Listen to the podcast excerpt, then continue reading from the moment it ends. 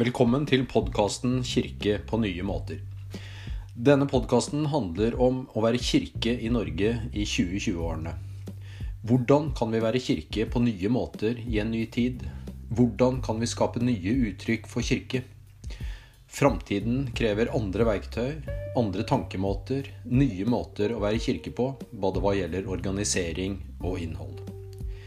Redaktør for podkasten, det er jeg, Knut Refsdal, som er tilsynsprest i Metodistkirken. I alle episodene vil jeg ha med meg en interessant gjest, og temaområdene vil spenne vidt.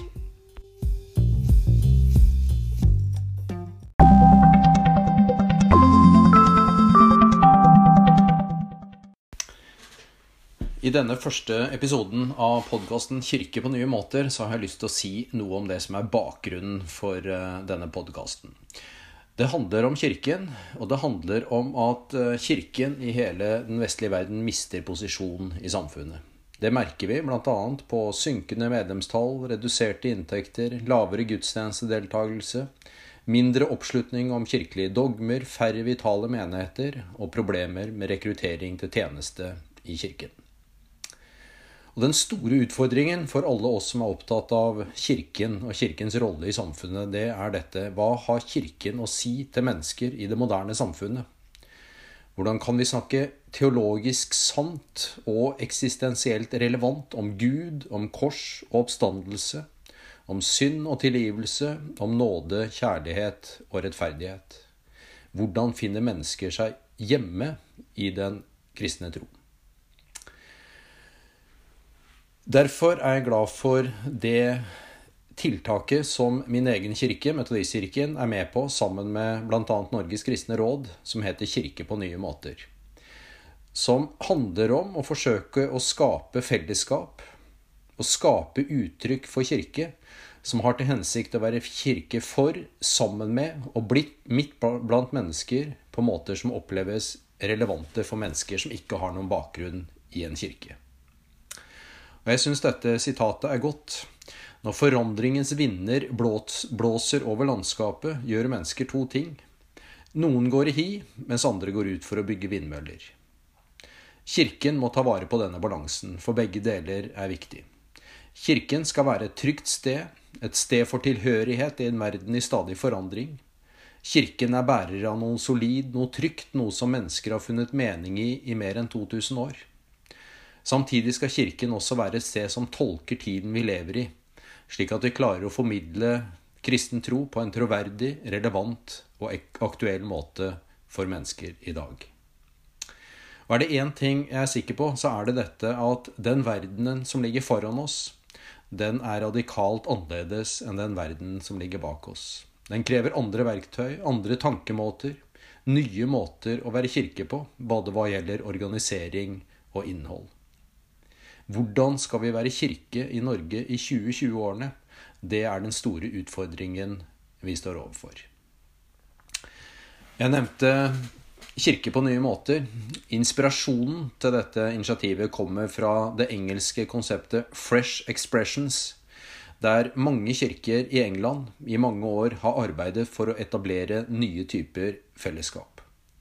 Og Som et resultat av det har det vokst fram mange nye typer fellesskap som nettopp har til hensikt å være kirke for, sammen med og midt blant mennesker på måter som oppleves relevante for mennesker som ikke har noen bakgrunn i en kirke. Og Det finnes i dag et nærmest uendelig antall ulike fellesskap, som nettverkskirker, søkerkirker, kafékirker, klosterpregede kirkefellesskap, surferkirker, ungdomsmenigheter og barnemenigheter, for å nevne noen. Kirke på nye måter har som intensjon å hjelpe Kirken til å gjenoppdage sin funksjon i arbeidet med å utbre Guds rike i verden.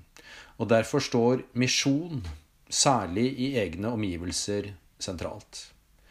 Kirkens oppdrag det er å lytte både til verdens behov og hva Gud kaller oss til, og la svaret på det bli å fremme Guds rike i verden. Og Derfor snakker man om mission-shaped church, eller misjonsformet kirke. Og Jeg har lyst til å understreke at når jeg her snakker om misjon, så er det en helhetlig misjonsforståelse som ligger til grunn. Mer Kirkens oppdrag. Det er nettopp forkynnelse til tro og etterfølgelse, bygging av inkluderende fellesskap, diakonalt engasjement, tros- og livssynsdialog og politisk engasjement. Alt er en del av Kirkens oppdrag. Dermed så blir fokuset ikke primært på Kirken som institusjon, men på Guds rike, der målet til syvende og sist handler om en forvandlet verden. Og Noe av den samme grunnforståelsen kommer også til uttrykk i disse to sitatene. Start with church, and the mission will probably get lost. Start with mission, and it is likely the church will be found. Og dette If we seek to make churches, we will never make disciples. If we seek to make disciples, we will always make churches.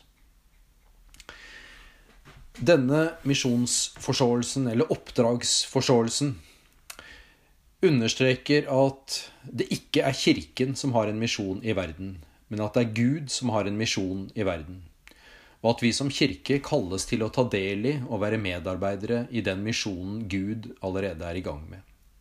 Som kirke er vi kalt til å ta del i Guds drøm for mennesket og denne verden.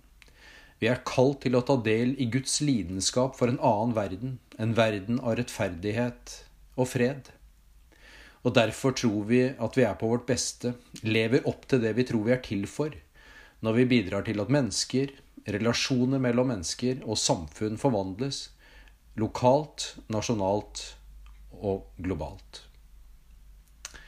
Og på mange måter så tenker jeg at vi er nødt til å avlære gamle måter å være kirke på.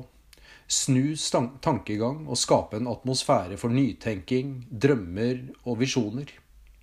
Der det er lov til å både prøve og feile. For framtiden er ukjent, og det er ingen av oss som vet helt veien videre. Derfor så må vi gi opp formodninger og gjettinger og lære underveis. Vi må erkjenne at det som førte oss hit, ikke vil føre oss videre. Og vi må lytte og lære av de som kjenner konteksten. Vi må eksperimentere og ikke være redde for å feile.